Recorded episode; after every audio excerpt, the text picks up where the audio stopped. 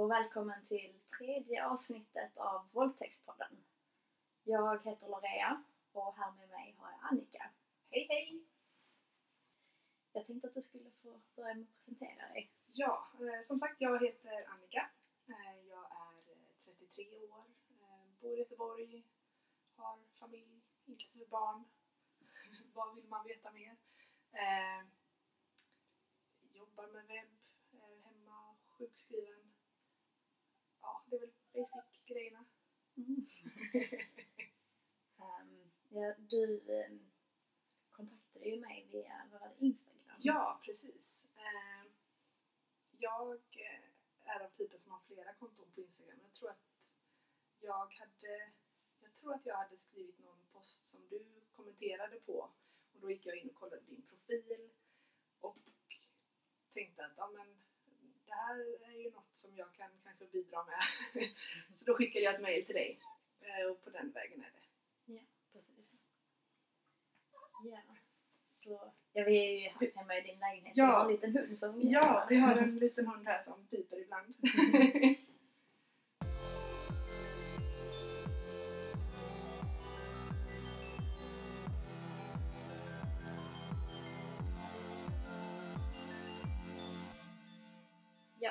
Eh, när du kontaktade mig så berättade du lite grann om din historia och vad Ja. du har varit med om. Ja, eh, jag kommer inte alls ihåg vad jag skrev men jag vet ju vad jag har varit med om. Eh, jag har ju delvis då haft ett eh, förhållande som var otroligt eh, jättedåligt. Eh, där min eh, partner våldtog mig jätte, jättemånga gånger, mer, fler gånger än vad jag vet. Och sen eh, är det också en, eh, min, en av mina närmsta vänner eh, sexuellt ofredade mig kanske man säger. Det var liksom inte något penetrerande sex och därför räknades det inte riktigt som våldtäkt. Ja, jag, jag förstod inte det där men det var inte okej i alla fall. Eh, så att ja, jag har tyvärr varit med om en del. Mm. Ja, så vi kan ju... Det är ju du väljer hur mycket du vill Ja. berätta liksom. Men eh, jag tänkte hur, um, hur gammal var du första gången? Eh, första gången då var jag, ja, det var eh, kring när jag faktiskt skulle fylla 18, så 17, 18 någonting. Eh, och då, jag kan inte, då kunde jag inte riktigt sätta ord på vad det var som hände. Eh, jag skulle absolut inte, då skulle jag inte kalla det för våldtäkt eftersom det var min pojkvän, eller dåvarande pojkvän, som var gärningsmannen, som man Mm. säger. Eh, och i, i min värld så våldtäkt var någonting som skedde eh, liksom att en främmande man överföll en i en, i en mörk park. Det var inte någonting som hände eh, med en person man kände och var trygg med. Utan det, så att jag, jag visste inte riktigt alls vad som hände.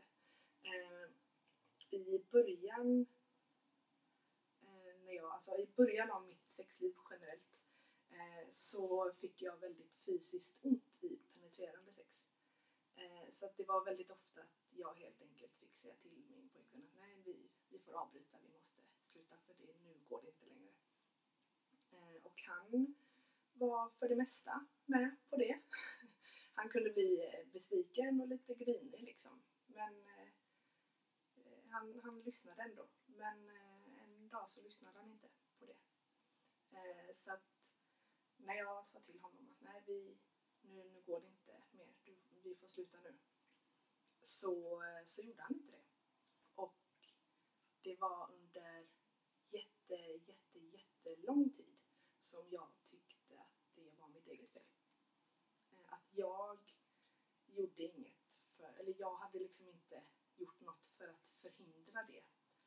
Eh, Kan nämna också att när det hände så vi var hemma i hans lägenhet, eh, i hans sovrum och i rummet bredvid så var det fem till sex kompisar till oss som satt och spelade någon form av brädspel. Och jag minns att jag tänkte jag måste vara tyst för det blir så himla pinsamt om någon av dem kommer in hit och ser mig naken. Det var liksom, det var den stora skräcken i det ögonblicket.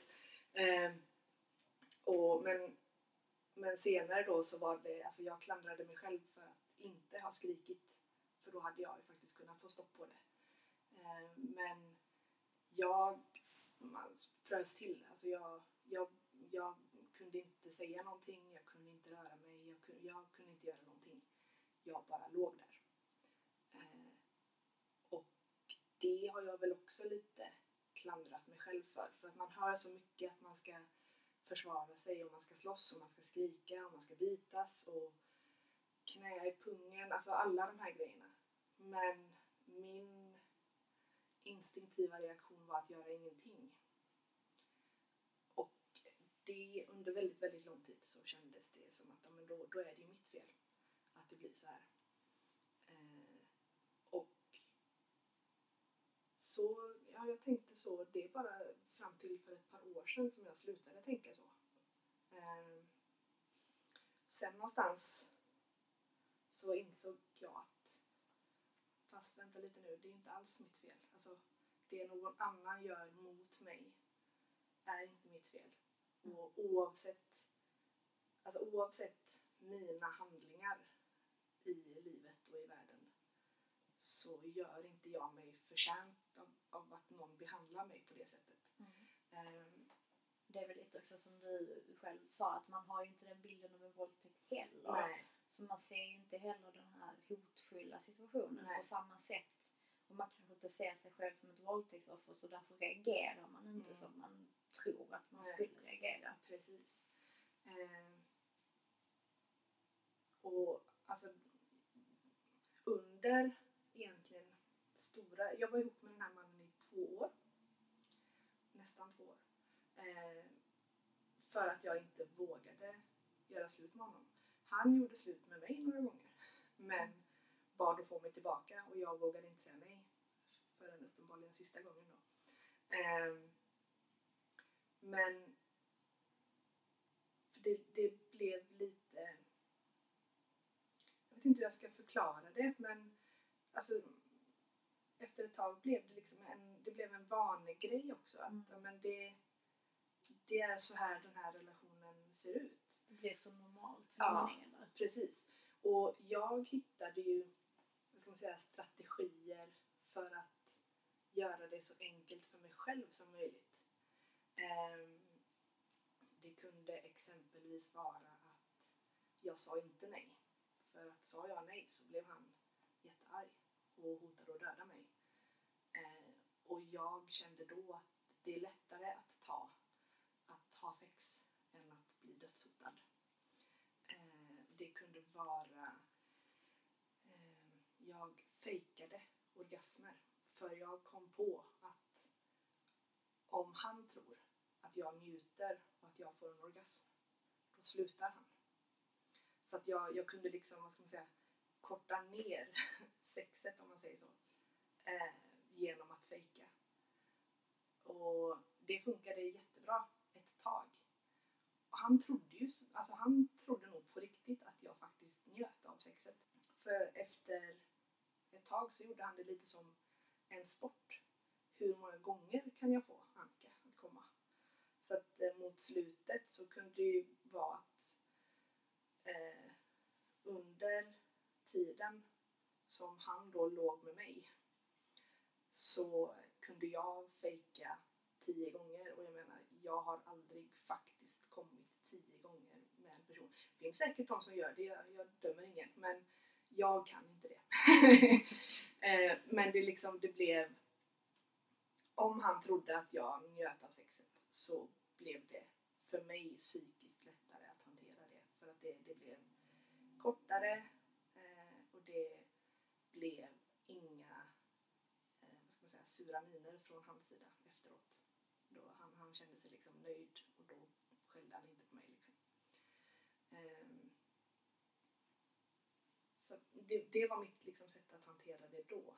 Eh, och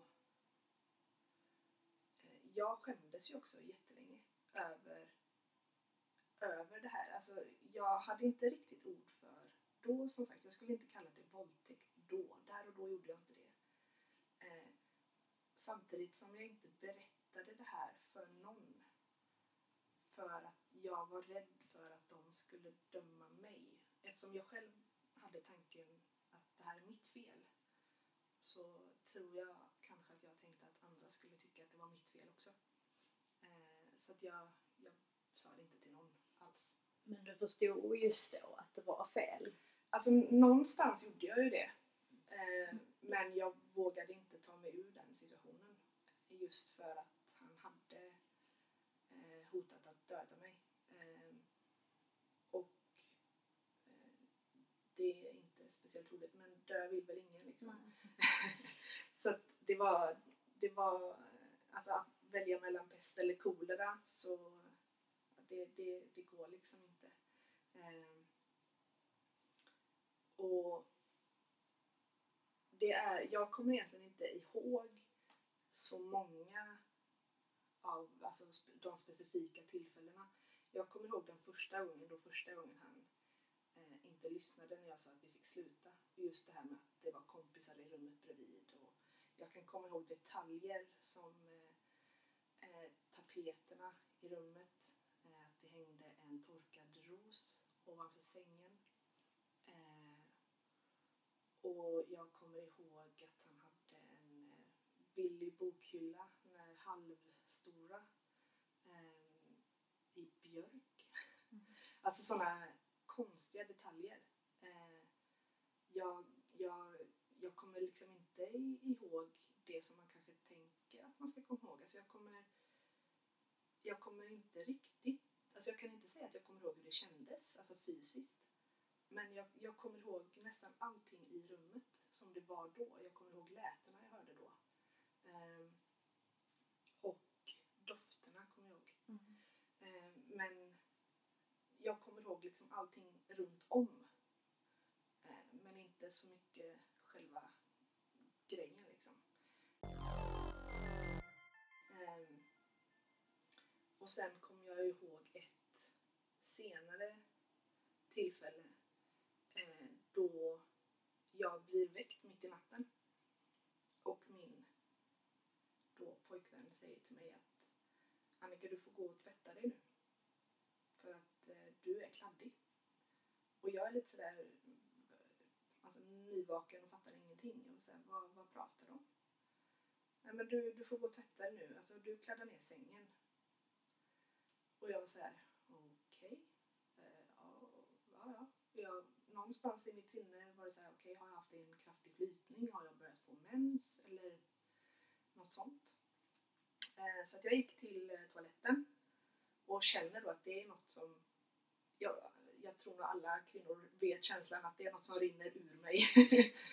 Eh, så att jag känner ju det här att det, det är något som rinner. Det är inte att jag kissar, någonting rinner. Så att jag liksom kniper ihop benen lite och tar mig så fort som möjligt till toaletten. Eh, och det är sperma som eh, rinner och droppar ner på to i toan när jag sätter mig. Och jag fattar ingenting. Jag, det, jag accepterade inte det Mm. eh, överhuvudtaget. Eh, jag stängde ute det så mycket från mitt medvetande att jag inte reagerade på att jag inte fick min mens. Eh, och när jag började må, jag började må illa, För att jag var sjuk från skolan i, jag tror det var två veckor i sträck tror jag, för att jag mådde så jäkla illa. Jag blev öm i brösten. Och jag tänkte att det är något som är fel. Vad det var som var fel, det... Alltså nu i efterhand så är det ju solklart vad det var som var fel. Men då var det inte det för att jag, jag tog liksom inte in vad som hade hänt överhuvudtaget. Så att, och då kunde jag inte koppla ihop det överhuvudtaget. Det, det var liksom att ja, men jag har de här symptomen men eftersom det inte har hänt någonting så vet jag inte vad de beror på. Ehm, eh, jag gick då till ungdomsmottagningen och berättade där om vad jag hade för problem och så frågade hon, en, det är väl barnmorskor som jobbar där tror jag, men hon, det var en barnmorska i alla fall. Hon frågade mig när hade du din mens senast? Ehm, och jag har aldrig haft för vana att skriva ner det. Eh, så att jag hade ingen aning. Det var så här, jag, jag vet inte. Nej okej, men då, då gör vi ett graviditetstest. Ja, då gör vi det. Ehm, och det visade sig att jag var gravid. Ehm, och ehm, jag fick, eh, på grund av helt andra grejer som vi nog kan lämna ut här, men på grund av helt andra grejer så fick jag göra ett eh, ultraljud för att eh, tidsbestämma hur långt gången jag var. Och då, eh, den här eh, barnmorskan eller läkaren eller vad hon nu var, eh, hon visste ju inte att jag faktiskt inte ville vara gravid. Så att eh, hon är jättenöjd och jätteglad visade upp eh, skärmen. Om, om folk har gjort ultraljud så ja, det, man får ju se på en liten skärm och så visar de att här är ett litet foster. Och eh, det visade hon jätteglatt och nöjt för mig. Och jag var lite sådär det här kanske jag inte vill se. Eh, men jag, det blev helt enkelt en abort. Eh, och den berättade jag inte heller om för någon eh, förrän långt, långt, långt senare. Det var nog den, vad ska man säga, största konsekvensen, alltså som faktiskt krävde ganska grov vård. Jag fick göra en akut abort. Eh, de har ändrat eh, lagarna kring abort sedan dess, men då eh, vill man göra, nu får man väl göra abort fram till vecka 18 tror jag, men då var det fram till och med vecka 12 och efter vecka 12 så krävdes det ett eh, skriftligt godkännande från Socialstyrelsen. Eh, och jag var i vecka 11 när jag gjorde abort. Eh, det var kö för att göra abort så jag fick gå före i kön för att annars hade jag inte kunnat göra abort. Eh, min eh, pojkvän följde med mig när jag gjorde aborten. Så han visste om det. Han visste om det. Ehm, han visste om det och jag, nej, jag ringde till honom faktiskt direkt efter att jag hade varit på ungdomsmottagningen. Och jo just det, hon barnmorskan frågade ju mig var, var det här planerat eller var det en olyckshändelse? Eh, sådär. För hon, hon, det är det i stort sett alltid när man eh, vill göra abort, att man, man pratar om det. Mm. Eh, för att för många så är det en psykiskt väldigt jobbig grej att göra abort. Så att det, det normala är liksom att man pratar om det, att eh, varför blev det så här om, om du inte vill och hur kan vi göra för att det då inte händer igen när du inte vill och sådana här saker. Ehm, så hon frågade ju mig om jag hade använt preventivmedel och, och det där. Eh, och jag kunde, alltså jag kände att jag, jag kan ju inte säga till henne att min pojkvän har knullat mig när jag sov. Jag, jag kan inte säga det till henne. Eh, för det låter ju så fel. Och det är ju så fel. Och nej, jag kan inte säga det till henne. Så att jag sa helt enkelt att jo men vi använde, vi använde kondom men den måste ha spruckit, sa jag till henne. Eh, hon skrev ut p-piller till mig efter, efter det. Eh, men eh, ja, jo, eh, så precis efter det så ringde jag min pojkvän och han frågade då, ah, vad, hur, hur gör vi? Och jag sa det blir abort, det är inget, inget snack om saken. Jag, jag vill, nej, det blir abort. Jag kan knappt ta hand om mig själv, jag kan inte ta hand om någon annan liksom. Ehm, och han var helt med på det, trodde jag i alla fall. Eh, han var med på det när jag var gravid och när jag hade gjort aborten. Men ungefär två, två, tre månader senare så fick jag mig en rejäl utskällning för att ha dödat hans barn. Och han berättade för mig att eh, han hade minsann pratat med sina föräldrar och börjat fundera på namn och, allt det där. Och jag var lite såhär, men alltså så fort jag fick veta att jag var gravid så sa jag till dig att jag skulle göra abort. Alltså, det har inte funnits någonstans att det här barnet ska födas liksom. Ehm, och eh, jag är, eh, hur länge sedan är det jag udda bort? 2002, 14 maj. Konstiga detaljer, klockan Mm. 11.00 på Östra sjukhuset. Ehm, jag hade nationellt prov i engelskan den dagen som jag behövde sjukskriva mig ifrån. Jag gick på ett kristet gymnasium och eh, jag behövde ha en god anledning till att inte göra nationella provet i engelska. Så jag berättade för min lärare varför jag inte skulle göra nationella provet i engelska. Och hon slutade prata med mig efter det. Eh, väldigt, väldigt udda. Men eh, jag ångrar inte för en sekund att jag gjorde abort. Eh, jag hade inte velat vara bunden till den mannen i resten av mitt liv. Mm. Jag tänker lite på, tror du att han någonstans vet vad, alltså, vad han gjorde mot dig? Eh, ja, det tror jag att han vet.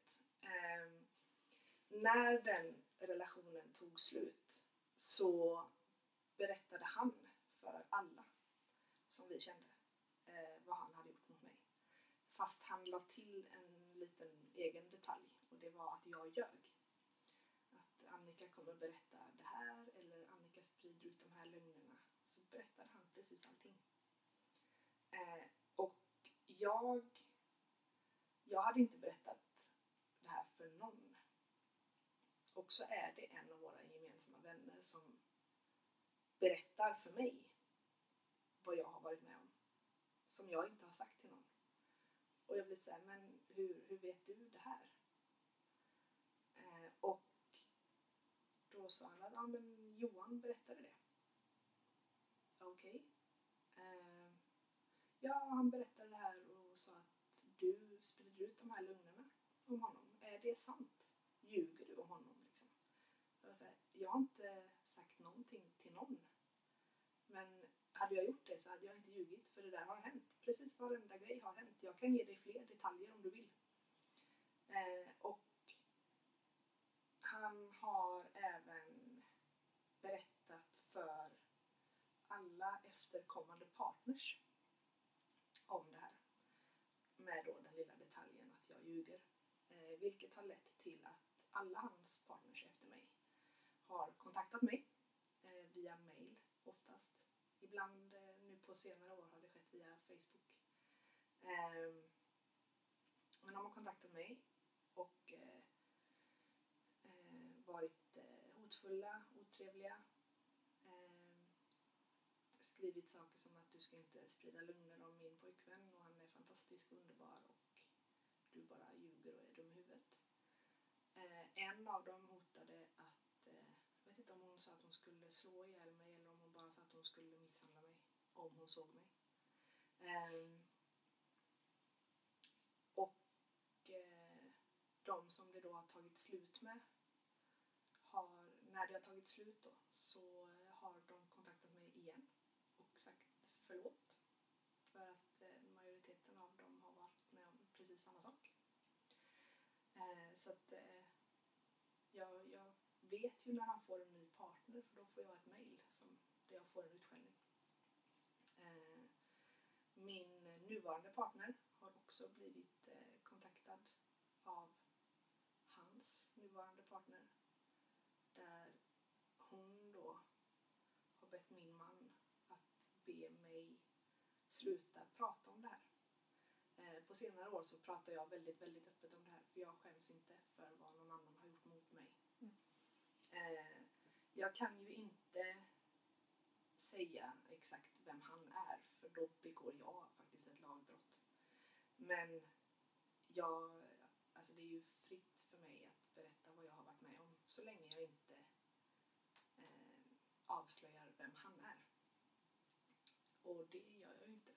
Mm. Men eh, hon har då kontaktat min man och sagt att du får kontrollera henne lite mer. Ehm, ja. Väldigt, eh, väldigt udda. Ehm, det, nu med Facebook och sånt också så märker man ju hur, lite, hur liten världen är. Hur, hur nära inpå han jag, det är inte en person som jag träffar och umgås med direkt och jag har inga vänner som träffar och umgås med honom heller.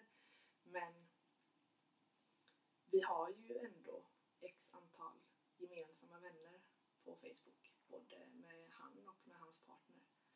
Eh, och när jag eh, märker en sån grej, då vill inte då kanske jag på något vis träffar dem och det vill inte jag. Mm. Ehm, jag håller ju fortfarande lite smått koll på vart han bor någonstans och vart han jobbar någonstans. Inte vart han jobbar kanske, men vart han bor i alla fall. Eh, just för att jag inte vill råka gå in i honom eh, när jag går på stan och sånt där. Vilket jag typ aldrig gör, men förr gjorde jag det. Jag har antagligen haft ganska kraftig eh, PTSD, alltså posttraumatiskt stressyndrom. Mm. Eh, det är ju mer känt som alltså, eh, att eh, krigsveteraner har PTSD för att de har varit med om hemska saker. Och det är klart att de har varit med om hemska saker. Eller någon som varit med om en bilolycka Ja, precis. Det, det är oftast i sådana alltså, vad ska man säga, våldsamma händelser som man förknippar att folk kan få PTSD. Eh, det krävs inget våld överhuvudtaget för att man ska kunna få PTSD. Eh, min, eh, jag kan faktiskt säga vad han heter för jag gjorde det förut, eh, Johan Mm. eh, var aldrig våldsam mot mig. Eh, han slog mig aldrig. Eh, han, ja, det, det var liksom inget våld överhuvudtaget. Men jag fick antagligen grov PTSD. Det är i alla fall vad psykologer och läkare inom psykiatrin då, eh, gissar när jag Mm. berättar hur, hur mitt liv har sett ut. Eh, jag hade eh, under ungefär ett år efter att den relationen tog slut så hade jag eh, seriösa problem med att vistas utanför mitt hem. Det var dock ingenting jag visade, det var ingenting som någon märkte. Men jag kunde inte gå ut utan att jag såg 10, 15, 20 eller fler scenarion på händelser som skulle leda till min död eller att någon skulle våldta mig. Eh, oftast var det så att eh, kvinnor som tittade på mig, eh, de planerade att mörda mig. Män som tittade på mig planerade att våldta mig. Eh, jag, eh, jag blev rädd för min allra bästa vän, eh, som var man.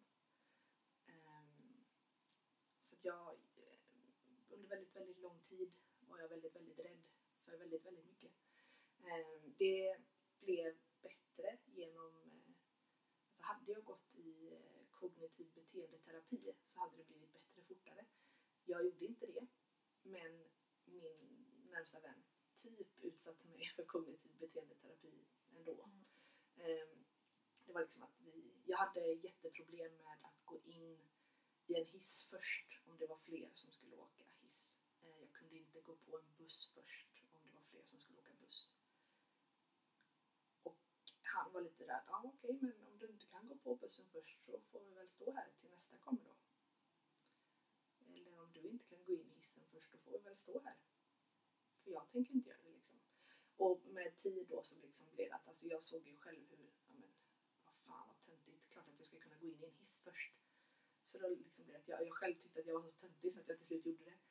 Jag har dock vissa bekymmer kvar fortfarande. Mm. Ehm, Jag kan få eh, panikattacker av att min partner säger fel saker vid sex.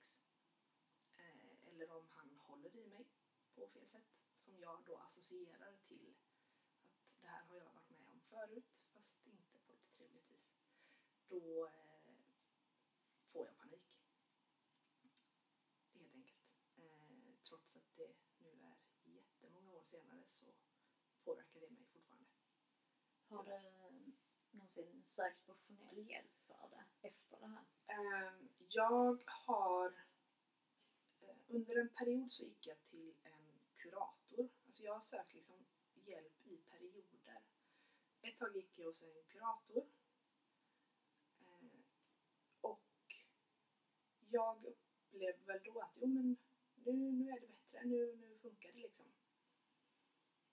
Och jag, alltså det, det är väl som så här att ju längre jag är ihop med en person desto mindre har jag problem av saker som hänt tidigare.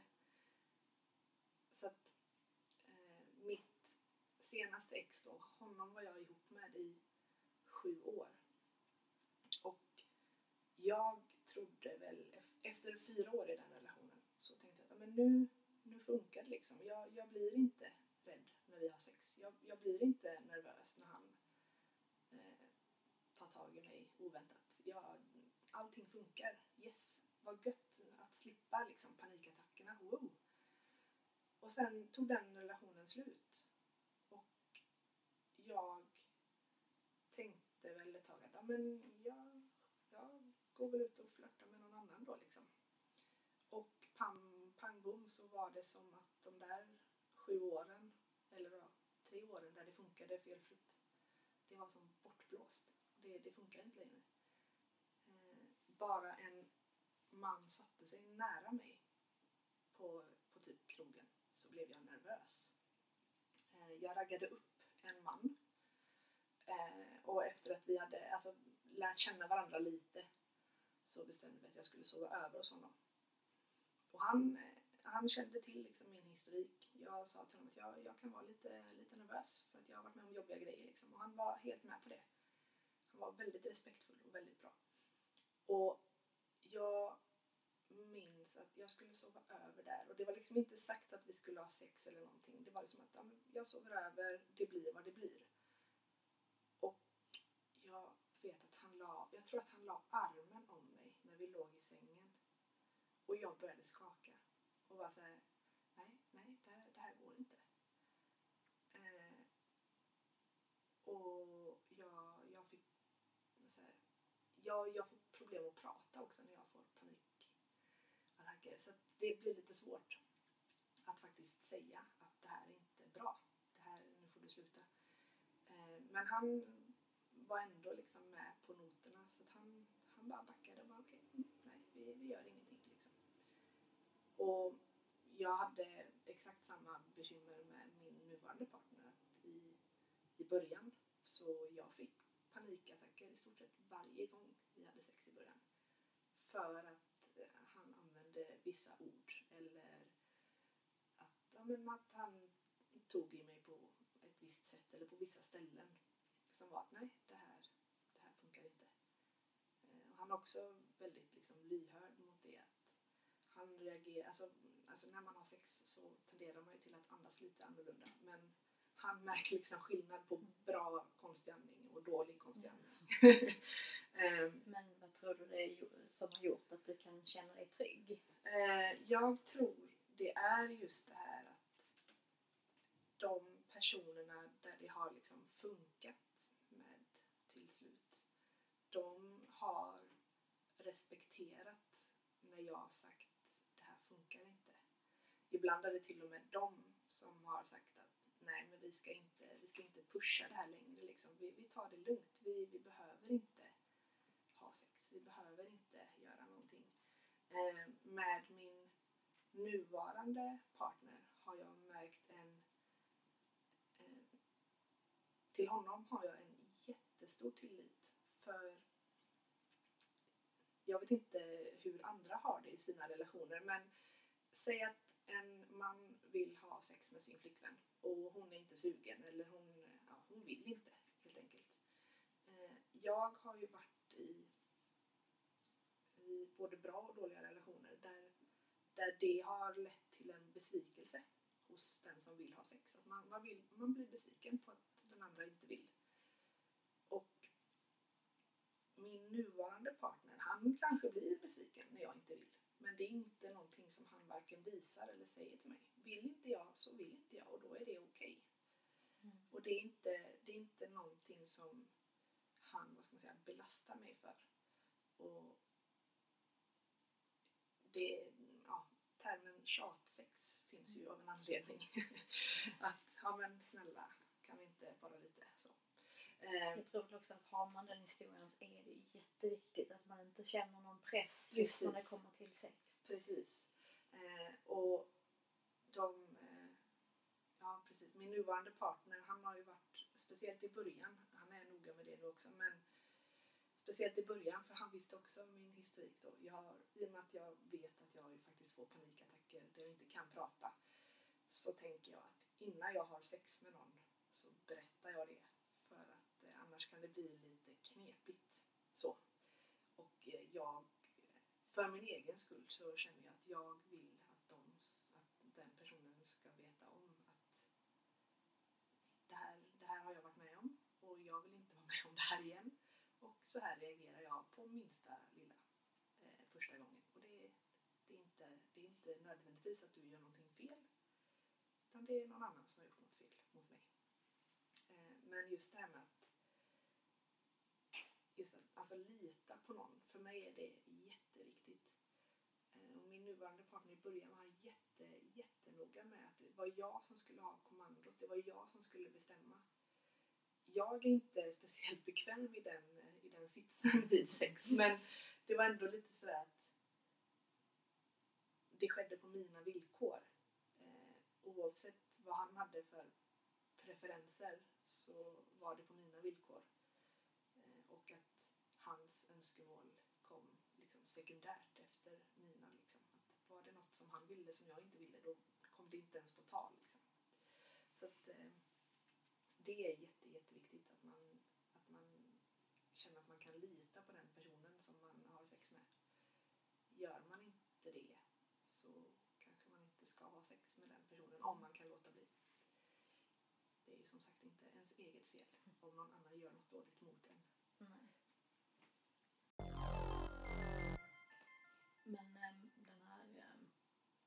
Som du hade relation med, har du, alltså i efterhand, har du anmält?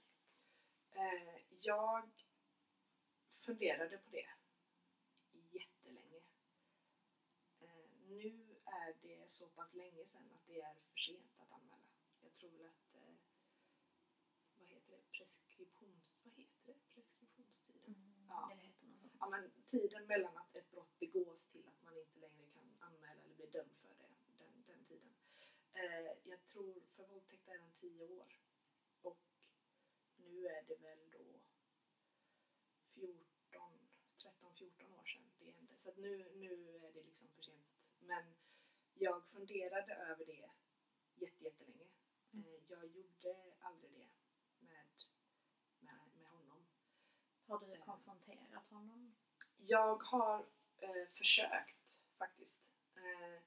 Jag hade, det är väl kanske fem eller sex år sedan tror jag, som jag kände att men nu, nu är jag en, en stark individ, jag, jag känner trygghet i mig själv och jag har en person jag är livrädd för. Hur ska jag hantera det? Alltså hur, hur kan jag bli av med den rädslan? det, för mig är det inte ett jättestort problem att jag är livrädd för honom. För det, den rädslan visar sig inte så ofta. Men det händer ibland att jag tror att jag ser någon på stan. Det händer ibland att jag alltså, känner en doft som påminner om deon han använde. Eh, och då blir jag liksom som stelfrusen. Eh, någon gång har det hänt att jag inte ens kan stå upp. Och jag, jag bara säckar ihop liksom. Så att jag försökte för då x antal år sedan att eh, få till ett möte med honom. För att jag behövde se att han har ingen makt över mig. Han kan inte göra ett skit. Jag är jätterädd för den här människan men han kan inte göra någonting mot mig. För, för det kan han ju inte liksom. Eh, så att jag försökte få till att vi skulle träffas på offentlig plats och ta en fika. Just för att jag behövde känna att jag, jag behöver inte vara rädd för honom för han kan inte göra mig någonting. Och eh, jag tog kontakt med honom via Facebook och pulsen jag hade när jag skrev meddelandet till honom, åh herregud, det var så att det gjorde ont verkligen. Eh, jag hörde pulsen i öronen. eh, och han svarade och han bara såhär, ja jo visst kan vi väl göra. Kan, vi kan träffas. Jag, han bor inte i, i Göteborg där jag bor. Så jag kan ta mig dit liksom. Och vi bestämde datum. Men vi väntade med att bestämma tid. För han kanske skulle göra något på förmiddagen och sådär. Eh, och jag, vad ska man säga, boostade upp mig själv eh, jätte, jättemycket. För jag kände att om jag ska träffa honom, jag måste känna, jag måste känna mig jävligt nöjd med mig själv. Så att jag tänkte att jag måste köpa, jag måste köpa nya kläder. Som jag känner att, ja men, inte så här, inte göra mig snygg utan för att ge mig själv lite, lite ja men mm. Jag vet inte hur jag ska, hur jag ska uttrycka det men Så jag köpte mina första Converse. Jag är inte människa som går i klack. Eh, jag köpte Eh, ett par knallrosa byxor satt som smäck. Uff. Jag köpte en ny väska gjorde jag. Eh, eventuellt köpte jag en ny jacka också. Och jag kände att ja, men, i de här kläderna så kan jag verkligen möta honom. För att I de här kläderna kan jag vara mig själv. Jag, jag lite uttrycker min personlighet i att, ja, knallrosa byxor och, och lite svart och, och sådär. Och jag kände mig väldigt nöjd med mig själv. Och så kommer dagen innan och vi har fortfarande inte bestämt en tid. Och jag skriver ett meddelande, meddelande till honom och frågar när imorgon och var imorgon. Och han säger då att han inte kan, att vi får boka in en annan dag. Och att han ska höra av sig om typ en vecka eller något sånt där. Eh, han hör inte av sig om en vecka. Och jag ställer frågan igen. Och han var så ja det är lite mycket nu. Eh, vi kan ta det, det här var på sommaren, vi kan ta det i september. Okej, okay, vi tar det i september, visst det funkar. Och eh, september kommer och det blir inte. Och då skrev jag ett meddelande till honom att nej, vi skiter i det här nu. För att enda anledningen till att jag vill träffa dig är för att jag är livrädd för dig. Och nu är det du som skjuter upp att träffa mig. Så jag tror att du är mer rädd för mig än vad jag är rädd för dig. Så att jag känner inte att jag behöver träffa dig längre. Och det kändes ändå ganska skönt att det var han som sköt upp det hela tiden och att det var på grund av honom det inte blev av. Det, då kände jag mig lite stark. Mm. Men jag är fortfarande livrädd för honom. Jag vet inte vad jag skulle göra om jag faktiskt träffade honom. En eh, kollega till mig som inte alls förstod allvaret i situationen. Han bara visste att jag, eh, att jag hade haft ett jättedåligt förhållande och att eh, det ledde till att jag blev ganska rädd. Det var typ det han visste. Och att jag inte vill träffa det exet. Eh, han skulle bara skämta lite med mig. För den här kollegan är eh, från eh, samma ställe där Johan är uppväxt. Och de är samma ålder. Så det, det är liksom inte otroligt att de faktiskt har träffats när de var yngre. Så eh, min kollega sa att ja, men det vet jag ju vem det är. Och jag var såhär, okej. Okay. Ja, eh, men du, jag ska, jag ska bara kolla. Alltså jag har för mig att han jobbar i Göteborg. Och då blir jag ju, då börjar jag bli lite kallsvettig. Och, och jag var såhär, okej. Okay. Ja, men du, jag tar och kollar med en polare så jag kan, vi kan snacka mer sen. Ja, okej. Okay. Och sen någon timme senare så har det varit, då har vi precis haft lunch och kollegan då har handlat mat på ett fiskställe som finns i närheten. Och han berättar för mig att han träffade Johan där. Och att eh, Johan jobbar i huset bredvid där jag arbetar. Och jag får panik. Inte, inte den där paniken där jag inte kan prata eller sådär utan mer att eh, hjärtat rusar iväg. Jag kände mig svimfärdig. Och det kändes, jag kan inte riktigt förklara känslan. Alltså jag kallsvettades jättemycket och jag började skaka. Och min kollega var såhär, men shit alltså Annika, vad är det? Och jag var såhär, nej jag, jag kan inte gå till den fiskbutiken mer, nej jag, jag kan inte gå dit. Eh, exakt vilket hus, vet du vilken våning han jobbar på? Och han var såhär, alltså Annika jag skämtar.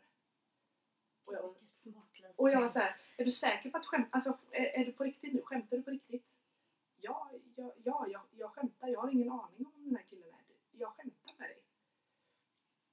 Eh, och eh, jag klarade inte av att arbeta mer på den dagen. Jag hade fyra timmar kvar att jobba och det, det gick inte.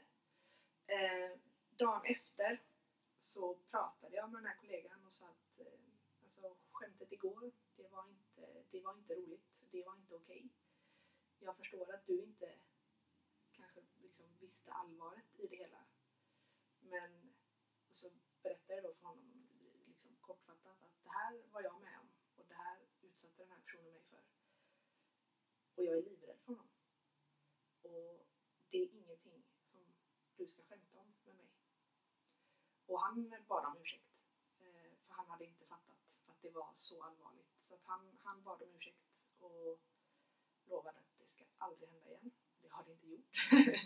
um, och eh, han, eh, vad ska man säga, för att bekräfta lite att jag, att, att han faktiskt förstod hur jobbigt det känns eh, så berättade han en historia om när han själv hade blivit utnyttjad av en kvinna. Och så att det var lite, alltså för honom att vi sitter lite, alltså jag, jag, jag är lite med i båten på ett hörn. Eh, inte, inte kanske lika stor grad men jag, jag vet, jag kan relatera till hur det känns och det är skitjobbigt och förlåt att jag skämtade om det. Och, eh, så det, det var liksom okej men när, när det kommer så nära inpå så då, då blir jag ju fortfarande skiträdd Mm. faktiskt. Och det är ingenting jag kan säga och vara seriös om för att det, då blir det för jobbigt. Eh, ja. Mm, Jag tänkte också på, du nämnde innan att du varit med om det med en annan person Ja. också. en, eh, en person som, eh, som jag inte ska nämna namnet på för att han har ett litet eget namn. Eh, han var min då närmsta vän. Det var jag och min exman. Vi var i, eh, alltså precis i att separera. Så vi hade, vi hade, båda hade väl människor vid sidan av kan man säga. Och det, det var liksom inte, det var inte, vi bråkade inte om det eller sådär. Eh, men vid ett tillfälle, eh, jag fick reda på saker om min exman som jag absolut inte ville veta och som fick mig att må ganska dåligt. Och eh, då kände jag att jag eh, behöver gå ut på stan och bli aspackad. Jag behöver supa och jag behöver supa rejält. Eh, jag kan ju nämna att jag är nykter alkoholist. Eh, så att jag och min exman vi bestämde ett datum. Att det var en, fredag. Att då skulle han ha hand om vår dotter och jag kunde eh, göra vad jag ville på den fredagen och även då i stort sett hela lördagen. Han, han tog ansvar om våra barn och så gjorde jag det jag behövde göra liksom. Så att jag bestämde med en ganska ytlig bekant att vi skulle träffas i stan och eh, dricka alkohol. Det, det var liksom den enda planen. Eh, så det gjorde vi och jag blev askalas. Eh, jätte, jätteberusad blev jag. Eh, vi hade jättekul och jättetrevligt. Och sen säger den här ytliga bekanta att han ska få mig att dricka lite mer alkohol så att jag går med på att följa med honom hem och ha sex med honom. Och då blir jag nervös på riktigt. För jag vill inte ha sex med honom och jag, ja, jag är så pass berusad att jag känner att jag kan inte, jag kan inte hantera den här situationen. Så att jag ringer till min då eh, närmsta vän. Och han, jag liksom berättar för honom att det här sa han precis. Och jag, jag kan inte, alltså jag, jag är för full för att hantera det här nu. Jag vet inte ens om jag kan ta mig hem. Liksom. Och han frågar mig då vart jag är någonstans. Och inom 30 minuter så är han utanför. Och han har lånat en bil av en kompis. Och han frågar då om ska, vi, ska jag köra dig hem eller vill du sova över hos mig i natt? Och eftersom jag inte ville hem så blev det att jag sov över hos honom. Och vi kom hem till honom. Eh, han var inneboende hos eh, ett par. Vi kommer dit. Eh, de säger att jag kanske, de frågar mig, vill du ha kaffe och en cigg? Då kanske du mår lite bättre för de vet hur jäkla full jag är. Men jag varken dricker kaffe eller röker så att jag tackar nej. Men jag får ett glas apelsinjuice av tjejen. Och sen går vi in på hans rum. Vi har, vi, har, vi har haft sex tidigare och det har liksom inte varit något konstigt. Jag har sovit över hos honom tidigare och det har inte varit något konstigt. Så att efter ett tag, vi sitter liksom och snackar lite. Eh, han frågar ja, men liksom, hur, hur känns det med allting och sådär. Så, så vi, vi sitter och snackar och har det allmänt liksom, gött och trevligt. Kanske lite jobbigt men allmänt bra liksom. Och sen går vi och lägger oss. Eh, båda två i hans någonstans under natten, tidig morgon, jag vet inte riktigt, eh, så vaknar jag av att han tar på mig, inte på obehagligt vis på något vis, alltså inte, inte konstigt eller sådär, men det är det jag vaknar av. Eh, och sen börjar han nog smeka mig lite på brösten och han smeker mig på underlivet. Och då får jag panik. Börjar skaka lite lätt, som jag gör. Eh, jag andas, eh, alltså jag typ hyperventilerar och jag kan inte prata. Och enligt honom själv så uppfattade han det som att jag var upphetsad och njöt. Trots att han, och, och han hade också hört historien om att det är så här jag reagerar när jag får panik. Eh, så han, han visste om det men eh, eh, vi hade inte penetrerande sex utan han, han smekte mig helt enkelt. Och det var inte okej. Eh, nästa... Jag somnade om. Jag, var, jag kände också att jag är lite fortfarande liksom full för att hantera det här. Så att då, igen då, fattade inte jag riktigt var det här okej okay, eller var det inte okej? Okay? Jag hade ju faktiskt inte sagt nej. Men det var ju för att jag inte kunde säga nej. Och när jag kom hem dagen efter så pratade jag med min man, dåvarande man, om det. Och hans första reaktion var Men alltså Annika, det där är ju inte okej. Okay. Alltså sådär, nej, så gör man ju inte. Alltså du måste ju polisanmäla honom. Och jag var lite såhär, nej men alltså det var väl inte så farligt. Liksom. Och jag pratade med en eller två vänner till. För jag var lite sådär, är, alltså, är det våldtäkt? Alltså, vi hade, alltså, skulle man tolka det, skulle, är det det? Eller vad är det för någonting? Och jag, jag liksom ältade det här väldigt mycket i mitt huvud. Jag träffade personen flera gånger efteråt. Och det, det kändes lite konstigt, får jag säga. Och på nyårsafton mellan 2012 och 2013, precis innan jag skulle åka iväg och fira nyår, så ringde jag 114 14 som är det icke-akuta numret till polisen och eh, gjorde en polisanmälan. Och fick eh, jättemånga jätteunderliga frågor. Var du berusad? Vad hade du på dig? Eh, sa du nej? sa du ja? Var han berusad? Eh, vad vi hade för typ av relation, om vi hade haft sex innan. Väldigt mycket som jag kände att det här är inte relevant. Eh, det kändes också väldigt, väldigt, väldigt udda att prata en helt främmande kvinna i telefon som ville veta specifika detaljer om vad som hade hänt. Jag, jag är, har inget problem att prata om, om sex generellt med folk. Men specifika detaljer känns lite udda att prata om med vem som helst. Speciellt, och ännu udda, ännu mer udda med någon som man absolut inte ens vet vem det är. Jag, kommer, jag vet inte ens vad hon hette liksom. Så att, eh, det, var, det var udda. Eh, men det, det kändes ändå bra att ha anmält honom. Tre dagar senare så skriver, skrev jag, jag tror att jag skickade ett sms till honom. Där jag helt kort skrev att eh, jag eh, polisanmälde dig 31 december. Och för det som hände, skrev väl det exakta, exakta datumet men jag kommer inte ihåg det längre.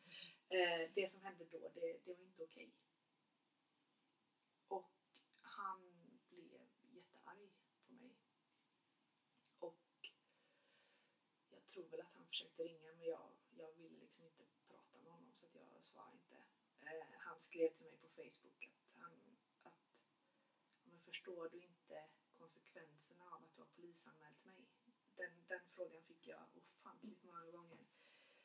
Och i mitt stilla sinne så tänkte jag, men det är ju inte, alltså för det han var rädd för då, eller det han blev rädd för var om han skulle dömas eller bli, bli dömd och hamna i fängelse. För det kan man ju faktiskt även för en sån, nu använder jag citationstecken, liten grej.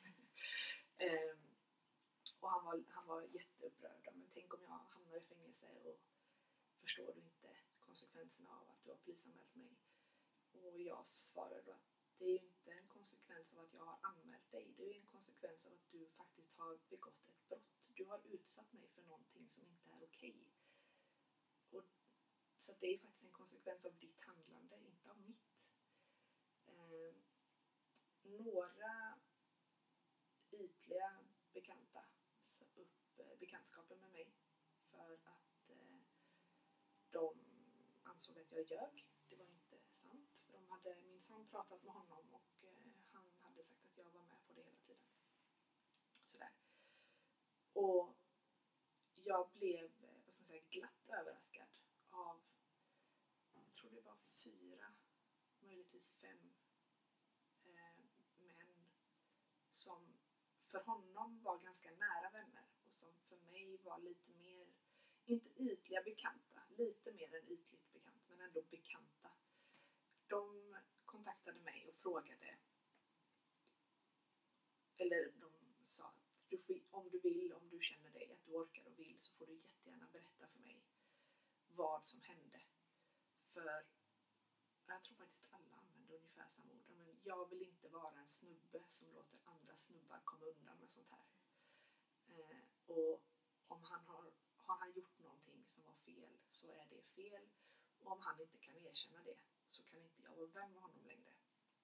Det är ändå bra att de tog ställning. Ja, eh, det, det, det tycker jag med faktiskt. Mm. Eh, jag tror till och med att de, alltså de gjorde lite som en intervention. Att de, de träffade honom och pratade om det här tillsammans allihopa.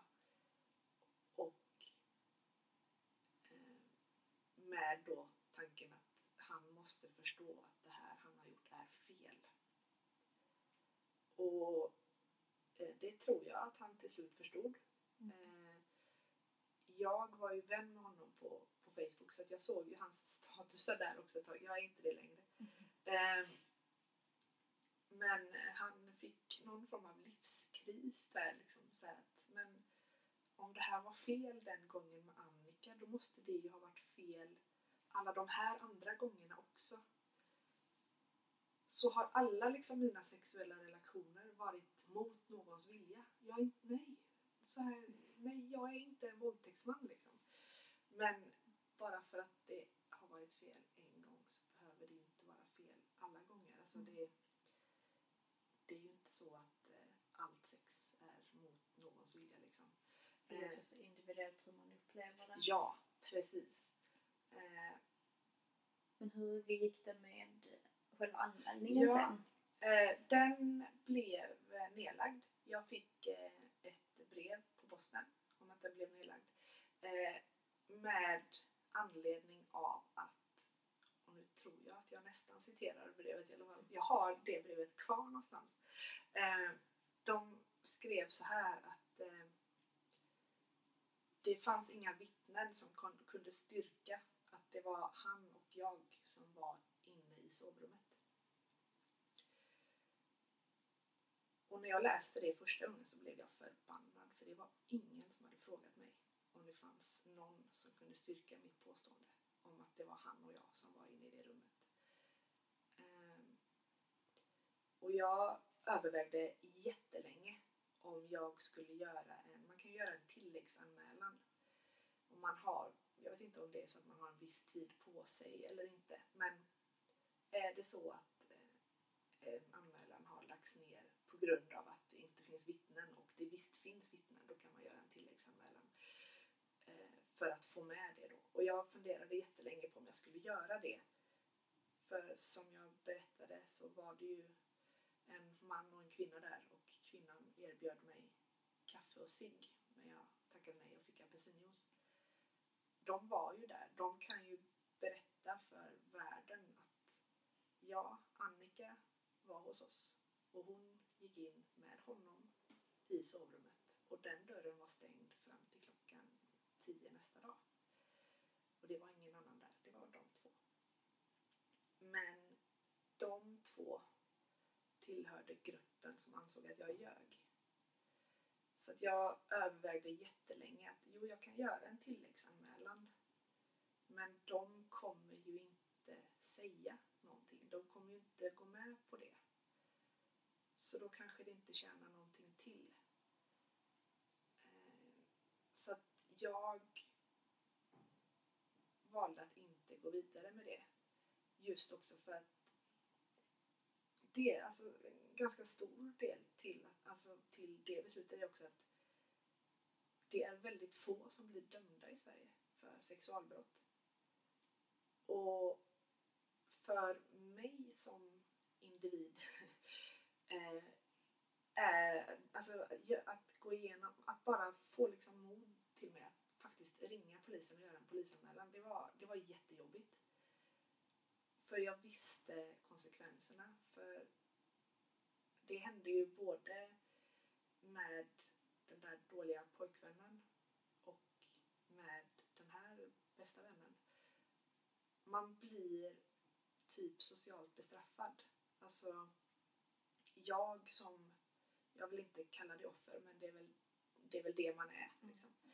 Eh, man blir ju bestraffad på så vis att man får ta emot så ofantliga mängder skit mot, eller mot, från, alltså människor runt omkring, eh, vänner, om, man, om det är liksom personer som känner den här eh, förövaren då. Och den, de som anmäler, de är verkligen jättestarka i att göra det, för man får så mycket skit. Och när jag fick då svaret från polisen att de la ner min anmälan, då kände jag att jag har tagit skit nu. Och jag är i alla fall en siffra i statistiken. För, för det är man alltid. Även om det inte händer någonting med anmälan så förs det ju statistik över anmälningar som görs inom olika brottskategorier. Även om det inte leder till en dom så blir det en siffra. Och jag var helt okej med att jag bara är en siffra och att det inte blir någonting mer sen. För alltså, min situation förändras ju inte av att han blir dömd. Mm. Alltså, för mig gör inte det någonting. Eh, och jag tror inte att han skulle förändras av att sitta i fängelse heller. Liksom.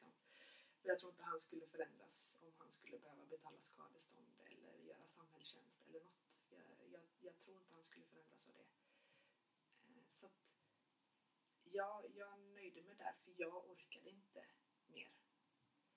Eh, jag blev utskälld av så många människor i Mm. så många omgångar att det var lite, nej men jag, nu är det stopp liksom. Jag pallar inte det här mer. Så tråkigt att man ska få ta emot så mycket Ja. som just offer. Ja, eh, i Sverige har vi ju att man är eh, man är oskyldig till motsatsen är bevisad.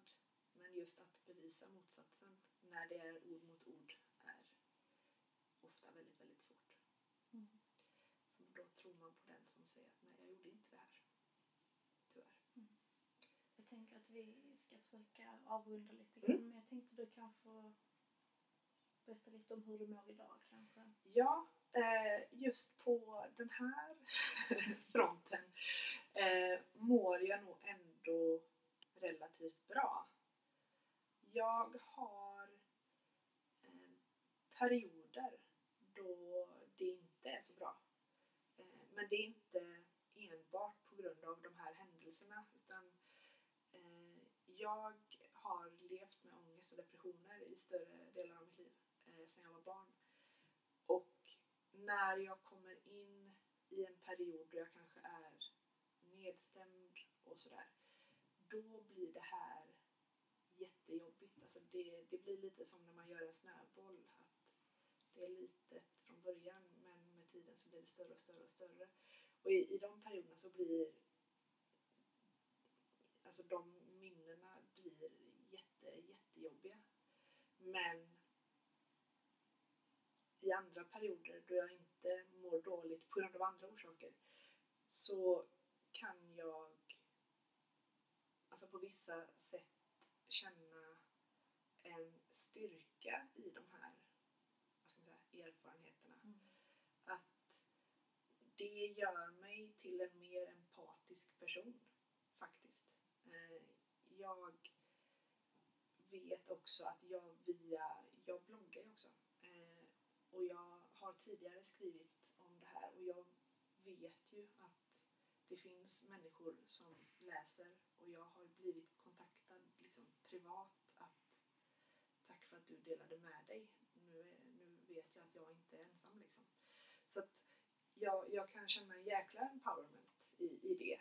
Att, att jag har det i ryggsäcken. Det är inte någonting kul att ha i sin ryggsäck. Det är inte någonting jag önskar någon. Men generellt så mår jag ändå bra. Mm. Eh, det är jobb, alltså det var jobbigt jättelänge Mm. men det blir bättre. Ja, och det är jättestarkt av dig att prata om det så här i podden. Tack! Och tack så jättemycket för att du var med. Du kan ju då säga vad din blogg heter. ja, eh, den heter guldmedadhd.se jag skriver ganska sporadiskt eh, när jag orkar. Mm. Men eh, mitt fokus är på just eh, psykisk eh, ohälsa eh, i, stort sett eh, ja, de formerna jag själv har. Eh, och det kan vara på grund av eh, trauman eller om det bara är eh, ja, som jag har då, att jag har lite annorlunda kemi i hjärnan som gör att jag mår lite. Men eh, så att jag skriver lite generellt om det och ibland är det tips och råd och ibland är det idag mår jag hemskt eller idag mår jag toppen. Mm. Så, det, Nej, jag har ju varit och kollat på din blogg. Så det är verkligen att gå in och läsa. tack! Ja, tack så jättemycket för att du var med. Tack för att jag fick vara med. Och jag hette Larea och du hette Annika. Annika. Och eh, han som har gjort musiken till den här podcasten heter André Gullhjärta. Tack för att ni har lyssnat.